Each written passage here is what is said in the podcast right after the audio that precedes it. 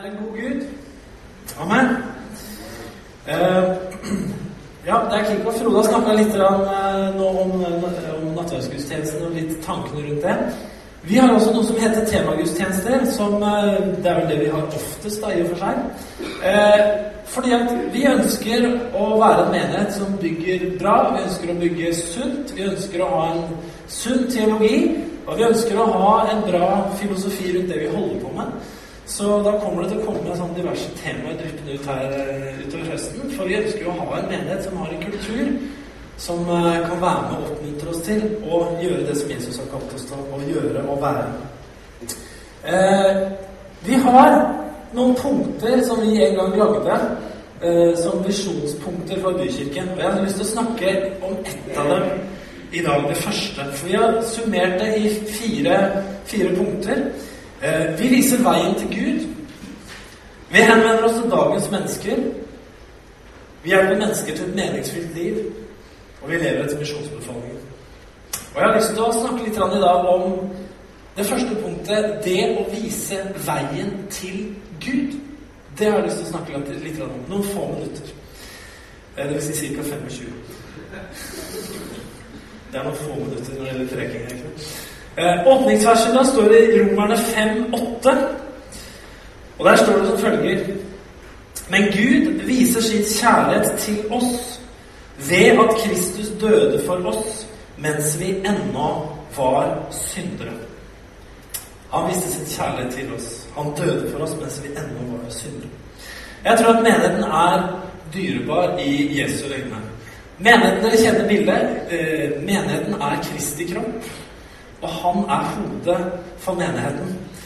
Eh, nå er det sånn at eh, det er et lett bilde å forstå, for at alle vi som er her, har det samme. I hvilken grad vi bruker det, er noe annet. Bruker hodet, bruker kroppen. Det kan variere fra person til person, men vi har hodet, og vi har en kropp. Og folk har kanskje forskjellige ambisjoner med kroppen sin. Jeg har lyst til å snakke om den litt.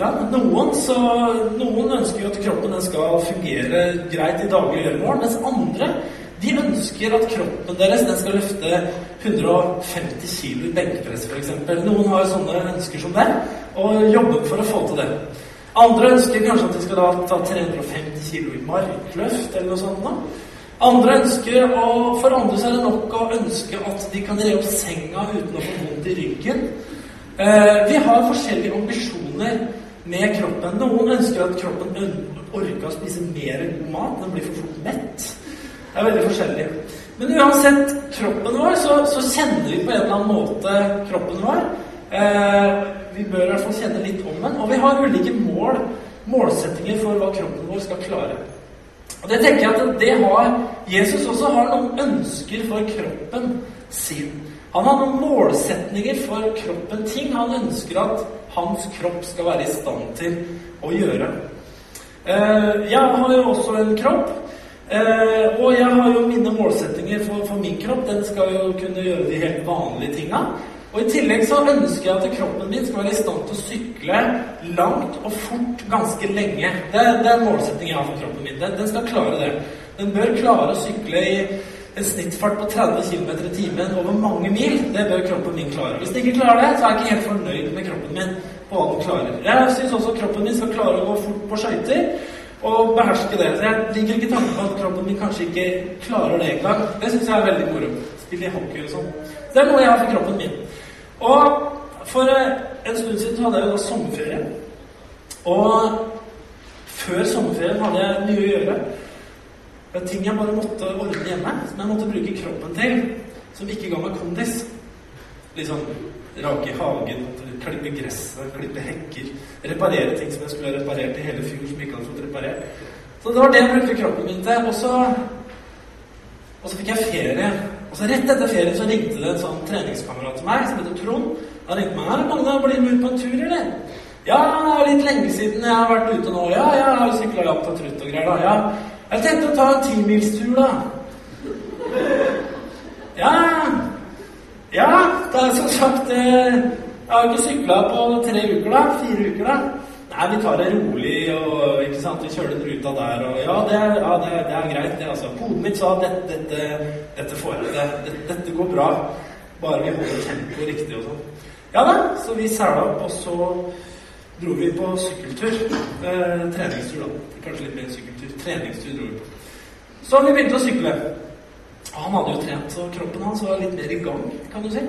Så når vi kom ut på gamle 18 og begynte liksom da mot en uendelig stigning hvor det endelig havnet på Gjennestad en gang, som Einar sykler annenhver morgen eller hver morgen, eller noe sånt, så, så kjente jeg det at, at dette går akkurat litt for fort for meg. Og jeg sa det er, eh, hvis vi skal sykle ti mil, så må vi ha litt lavere tempo. Det, det, det, mitt, mitt hode sier at dette, dette her går ikke helt bra. Nei, nei, det er greit. Vi, vi roer ned litt, rann, sier han. Roer den litt, rann. Men eh, det tok ikke så lang tid før han tempoet var oppe igjen og sånn. Nei, du, jeg tror altså, Det er flaut å si det. Jeg tror vi må roe ned. Jeg tror jeg må roe ned, roe ned. Ikke sant? Biter tenna litt sammen. Eh, og vi sykla gikk jo bra de første mila, men jeg tenkte hvis det skal holde i mange mil, så går ikke dette bra. Fint til Sandefjord. Og så kom vi ned mot kveldene. Og så der kom det noen sånne ordentlige stigninger. Og da har jeg egentlig kjent at tempoet var litt for høyt. Bare, bare litt rann, ikke mye. Akkurat nok for høyt.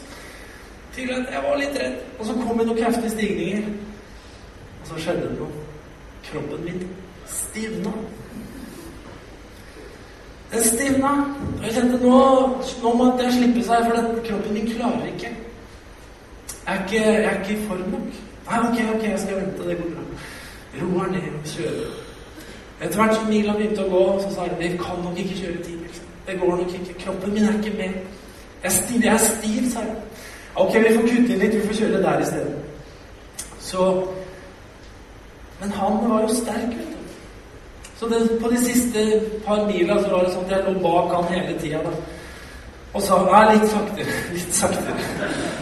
Litt saktere. Men det blir bedre om et par turer. Det blir jo bedre om et par turer når det kommer i gang. Det blir jo det, vet du. Ja, det gjør jo det. Og så motiverte oss opp litt sånn. Så vi kom jo hjem, da. Men det blei ble sju mil. Men jeg kom ikke i mål. Jeg kom ikke i mål. For det var en som var sterkere enn meg. Det var veldig fint for han. Men han klarte ikke å ta med meg til mål, fordi han hadde for høy fart. Han eh, knekte meg på veien, og jeg var klar over at jeg ikke kom til å klare å henge på. Poenget er at min kamerat han skulle møtt meg der jeg var. Så hadde jeg klart å sykle ti mil i et annet tempo. Å vise veien til Gud, det står som første punkt i vår visjon. Jesus ønsker at kroppen skal komme i mål. Jesus ønsker at menigheten skal komme i mål. Han ønsker, for å bruke bildet, han ønsker at menigheten skal kunne ta den timilsrunden som han har satt opp, og ikke måtte bryte av fordi den stivner etter syv. I Filippebrevet 1,6 så sier eh, Paulus til menigheten Og jeg er trygg på at han som begynte en god gjerning i dere, skal fullføre den til Jesu Kristi dag. Det er altså viktig for Gud at vi får fullført løpet vårt. At vi kommer helt i mål. At ikke vi stopper før tida var inne, eller planen, den opprinnelige planen til Gud var. Da kan vi spørre oss hvordan kan vi som menighet, hvordan kan vi som kirke vise noen veien til Gud? Hvordan kan vi hjelpe hverandre, vi som er Kristi kropp, til å fullføre løpet? Til å komme i mål med livet våre? Til å følge Jesu eksempel? For hva er egentlig Jesu eksempel rundt det å vise veien til Gud? Og Her er noen ulike ideer som jeg tenker fins i kristenheten rundt det å vise veien til Gud. Ene, Den ene måten å gjøre det på kan være å stille seg på en høyde og rope 'Her er Gud! Alle må komme hit! Alle må komme til Gud! Han er her! Jesus er her! Kom, alle dere som tørster! Kom, alle dere som har det vanskelig og lider! Det er hit dere må komme! Ja, fint, sier noen. Så bra, men hvor er veien? Ja, men det er bare å komme! Er, kom her, han er her! Ja, men hvor, hvor er veien hen? Hvordan kommer jeg dit? Hvordan kan jeg tro? Hvordan kan jeg vite at han er der? Og hvordan kommer jeg fram dit hvor du står og roper? Det andre er å gi en fin forklaring på hvordan veien ser ut. Veien er fantastisk. Du har sett bilder av Atlanterhavsveien. Det er sånne kule broer som går over. Jeg har sett bilder av Atlanterhavsveien. Jeg har aldri kjørt den sjøl. Men det er en vei jeg får lyst til å kjøre på. Eh, den kunne jeg tenke meg å kjøre over den broa som går fra det ene skjæret til det andre. Over. Har sett den veien? Fantastisk fint. Ja, det er morsomt å kjøre på. Og vi kan fortelle om veien hvor fin den er asfalt og hvite striper og gule striper og autovern der det er nødvendig osv. Vi kan si masse om veien. Men da er spørsmålet hvis folk ikke er på veien, så lurer de på hvordan kommer jeg til den veien? Det er fint at det finnes en vei, men hvor er veien som går til Gud? Det kan være et problem. Jeg er sikker på Hvis du spør sønnen min jeg viser han et bilde av Atlanterhavsveien, og jeg hadde sagt ham Philip hadde ikke vært kult å kjøre over den broa der. Jo, det hadde vært kjempekult! Hvor fort kan vi kjøre? Ja, men eh, Philip kan ikke da, Dit kan du bare dra og sykle hvis du vil. Da ville han spurt men pappa, hvordan kom jeg til den veien? Det er en vei ofte til veien. Jesus er veien, sannheten og livet. Vi kan fortelle mennesker om Jesus hvor fantastisk han er osv. Ok, men hvordan finner jeg ham? Hvordan finner jeg veien hvis jeg står midt ute i ødemarka? Jeg må finne fram. Noe annet man kan gjøre, er å, det er å stille seg sammen med Gud. Og fortelle alle som er langt borte fra Gud, at de er så langt borte fra Gud at Gud kommer faktisk til å slå dem i huet og straffe dem, for de er så langt borte. Dere som er langt borte fra Gud og ikke kommer til Gud. Gud kommer nå imot dere fordi dere er så langt borte fra Gud. Og vil slå dere i hodet med lyn og torden. Dere skal sannelig få kjenne at jeg er Gud, siden dere ikke kommer til meg. Ville Gud gjort det sånn? Gjorde Gud det sånn? Hva gjør egentlig Gud for å føre oss hjem? Han roper ikke. Han forklarer ikke veien. Han anklager ikke. Gud velger en annen vei. Gud velger en helt annen måte å gjøre det på. Gud velger forlate stedet hvor han er, og han velger å komme til oss.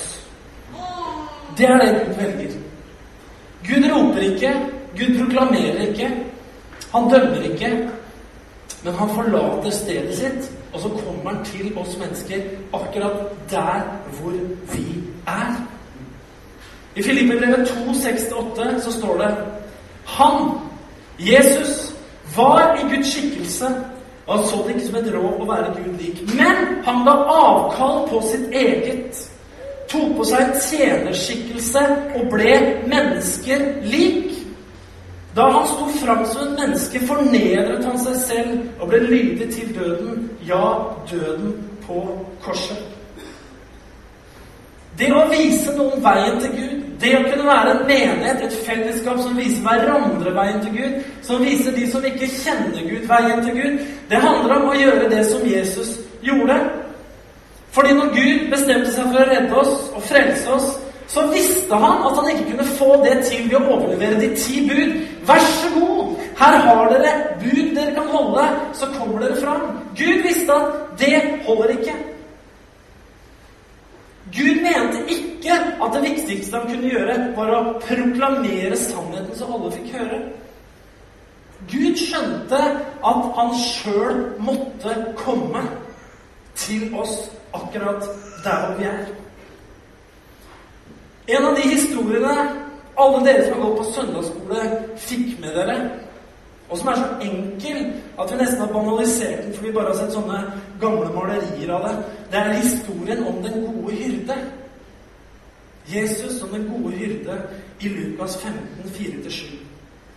Hvor han sier, og de fleste har hørt denne historien mange ganger, men det står som, skrevet sånn her Dersom en av dere eier 100 sauer og mister en av dem, lar han ikke da de 99 være igjen ute i ødemarken og leter etter den som har kommet bort, til han finner den?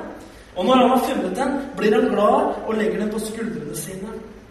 Straks kom, han kommer hjem, kaller han sammen venner og naboer og sier til dem Gled dere med meg, for jeg har funnet igjen den sauen som har kommet bort. Jeg sier dere, på samme måte blir det større glede i himmelen over én synder som vender om, enn de 99 rettferdige som ikke trenger omvendelse. Poenget til Jesus her er jo at han måtte ta turen dit hvor sauen hadde havna. Når noen har gått bort, når noen har, er borte fra Gud, når noen har strula det til, som de sier i Sverige Når man har falt, når man sitter fast, når man er borte, så er det sånn at det holder ikke å stå og rope. Men Jesus forteller da forlater jeg alle de rettferdige, og så går jeg og er på det stedet hvor den fortapte sauen er. Der går jeg. Dit vandrer jeg. Dit må jeg gå for å kunne redde den sauen. Det er innlysende.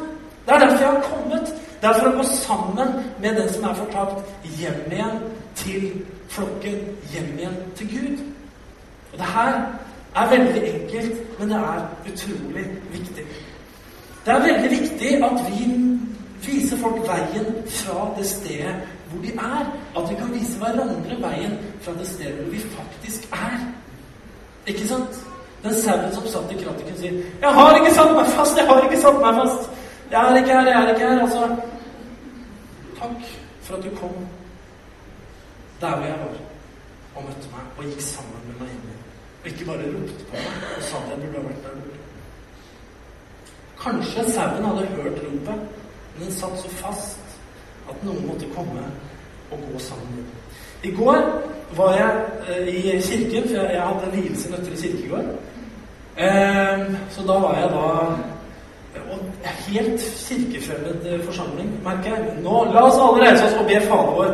Jeg ba Fader vår helt stille i kirken. Kjempebra. Og så var vi invitert til bryllup etterpå. Det var en tidligere kollega Katrin og en keeper på hockeylaget jeg spilte på, som gifta seg. Og så Da var jo jeg selvfølgelig presten i det bryllupet her. Og det, det er jo alltid artig. Å være presten i bryllupet. Der er det jo servering av alt til overflod. Og da sto jeg utafor eh, en eh, røykepause. Det var røykepause. Og jeg sto ute i røykepausen. Kan du tolke det? til du tenke masse? Det var i hvert jeg gjorde. Og så kom en fyr bort til meg. En sånn vaktservice-type fyr. Så jeg jeg jobbet noe sånt nå. Som akkurat har flytta fra Oslo. Var en ganske firkanta type.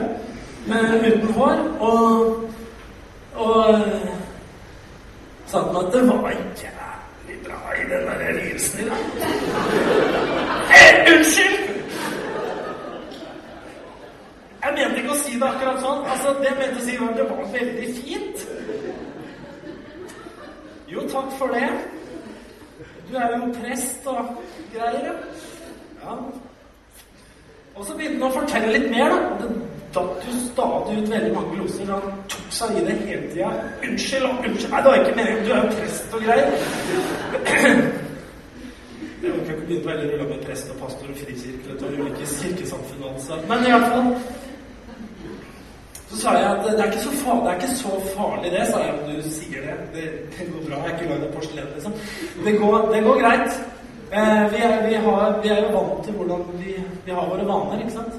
Så fortalte jeg om fortalte jeg, Skal jeg fortelle deg om en som var narkoman en gang, som ble kristen. Det var en fin historie. Arne Bakken, for dere som kjente han, så fortalte det. Når han var nyfrelst, så fortalte han at han var nyfrelst så hørte han om å ta Bibelen, vet du. Var så sterkt, ass. Så jeg gikk inn på bokhandelen på Philadelphia og stjal en bibel til meg og en til Bente. For det var viktig å ha bibel, sa da. Ja, men han var vant til å stjele, ikke sant? Han har ikke kjøpt ting på flere år. Så det du trenger, er ikke stjele det. Så han gikk i bokhandelen på Philadelphia, stjal bibelen og syntes det var salig og herlig og. Så jeg fortalte en historie til, så jeg liksom Ja, ja, vi er jo vanlige, Han var vant til å stjele, og jeg er vant til å banne, ikke sant? Og sånn. Poenget var det, da. At på en måte så er det jo Det er noe fint med det at folk slutter å banne når, når jeg er der, tenker jeg. Det er jo ålreit, det. Det er noe bra med det. Men Det kan være noe dårlig med det òg. Det dårlige kan være at folk føler de må opptre veldig prektig. De må, de må sette seg sjøl på et annet sted enn de egentlig er. Og så får vi ikke en ekte samtale.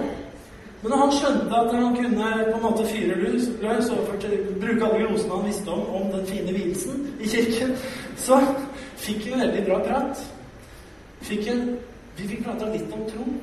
Vi fikk prata litt om Gud og det å være kristen og sånne ting. Og det gjorde vi kanskje fordi han kjente at jeg kunne møte ham der hvor han var, og ikke der hvor han burde ha vært. Han og kameraten min som var ute og sykla med meg for noen uker siden, han skjønte omsider at han måtte liksom taue meg inn. Budskapet mitt var jeg er tom, jeg har ingen krefter igjen, jeg har stivna. Normalt sett har jeg mer å gi, men nå er jeg ferdig. Hodet mitt ønsker, men kroppen klarer ikke. Den sier stopp. Men det blir bedre neste tur. Bare du hjelper meg hjem, og så blir det bedre neste tur. Og neste tur blir bedre, og så blir det bedre til å slå igjen. Poenget er at vi må møte hverandre der vi er, og vise hverandre veien til Gud. Vi må møte barna våre der hvor de er, og vise dem veien til Gud. Det ønsker virkelig at Bykirken skal gjøre og være. Alle fortjener å bli møtt der vi er. Og Det er viktig for oss. Alle som kommer hit, er et sted i forhold til Gud. Det, vi har snakka mye om det, og vi snakka litt om det i våres i denne Elevate Not Tolerate-serien. Vi tror at Gud er sann. Vi tror at Gud har noen standarder. Vi tror at hodet, Jesus Kristus, har en visjon og et ønske. Men akkurat som at mitt hode skjønner når kroppen min er i stand til og ikke er i stand til ulike saker, så skjønner Jesus hvor kroppen hans er. Og han ønsker å møte oss akkurat der hvor vi er. Og så ønsker han å ta oss hjem igjen. Jeg skulle ønske vi kunne være bare fortsette å shape den kulturen. At vi har en kultur hvor vi får møte mennesker der hvor de faktisk er. Og så kan vi gå sammen med det. Det er bra. Fint å proklamere sannheter. Fint å fortelle om veien og alt det her. Selvfølgelig, jeg setter litt på spissen, så skal vi gjøre det. Men poenget er det at Jesus kom for å leve med oss, gå med oss, kjenne det samme som vi kjenner. Han ble en av oss. Når vi kommer til ham, så får vi en medvandrer. Det er også vårt kall som menighet. Det er å være medvandrere. Folk er på tusen forskjellige steder. Folk har tusen ulike bakgrunner i forhold til hvor de er, i forhold til tro, i forhold til livsførsel, i forhold til det ene og andre. Og vi kan møte folk der de er, og gå sammen med dem til den levende Gud. Så er det veldig, veldig bra. Henger du med? Amen. Vi, eh, vi har et stort oppdrag, og jeg tror, jeg tror vi kan eh, tenke at vi skal få lov å utvide, at vi skal lov å se større, at vi skal få lov å se flere mennesker, at vi skal få lov å berøre flere mennesker. Og da må vi, vi som er her, vi kan få lov å være med å gi. Vi kan få lov å være med å tjene. Vi kan få lov å hjelpe. Vi kan få lov å være menighet både i forsamlingen og ute i hverdagen til vanlig. Eh, jeg har bare lyst til å be en bønn før vi går inn mot avslutningen. Herre, vi takker deg for at du, du viste oss gjennom ditt liv, Herre, det beste eksempelet på alle, absolutt alle ting, Jesus. Vi takker deg, Herre Jesus, for at du valgte å ta av deg din egen herlighet, valgte å forlate din posisjon her for å komme ned og møte oss der hvor vi var. Takk, Herre, at du nøyde deg ikke med å fortelle oss sannheter. Du nøyde deg ikke med å gi oss bud og regler. Herre, men du kom i kjøtt og blod og levde sammen med oss. Herre, vi ber oss om at vi som menighet, som kirke i denne byen, skal bli et uttrykk for akkurat det. At vi kommer kjøtt og blod. Blant vanlige mennesker så er vi vanlige mennesker. Og vi får lov å gå sammen med hverandre og gå sammen med andre fram til deg, Det priser vi deg for. Må du hjelpe oss med dette i år. Amen. Amen.